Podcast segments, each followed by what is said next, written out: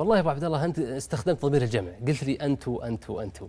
أنا أنا قلت لك أنا مجرد عامي في تويتر. بتكلم عن نفسي. أنا لا أتكلم عن أحد. طيب. أنا والله ما جيشت على أحد. سأل سؤال. بالعكس ولا عمري شفت في تويتر والله يعني الناس تروع من الأسئلة. أنت بالأمس تقول الناس يعني تجاوزت والناس صارت تسأل أسئلة بالعكس يعني أكبر بكثير من الأسئلة السابقة. صارت تسأل أسئلة عن السنة النبوية وأسئلة عن الصحابة.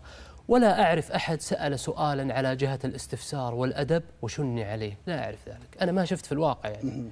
ما شفت الاتجاه الإسلامي يشن على أحد سأل سؤالا بأدب في الاستفسار. من الإيمان بالله إلين أصغر مسائل الانيه وباب السواك.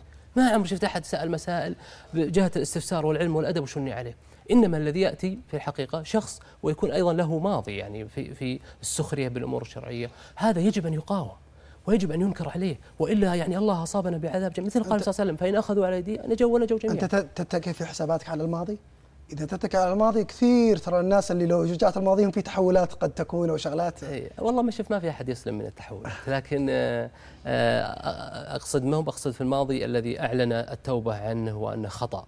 أقصد الماضي الذي لا يزال يعني يمارسه. فالشخص أي. الم- مثلا اللي يعني له تاريخ في مقاومة الشر في عفوا في مقاومة ال- الخير ونشر الشر مو مثل الشخص الذي له هفوة أو هفوتين أيضا تختلف الميزان الشرعي هذه عن هذا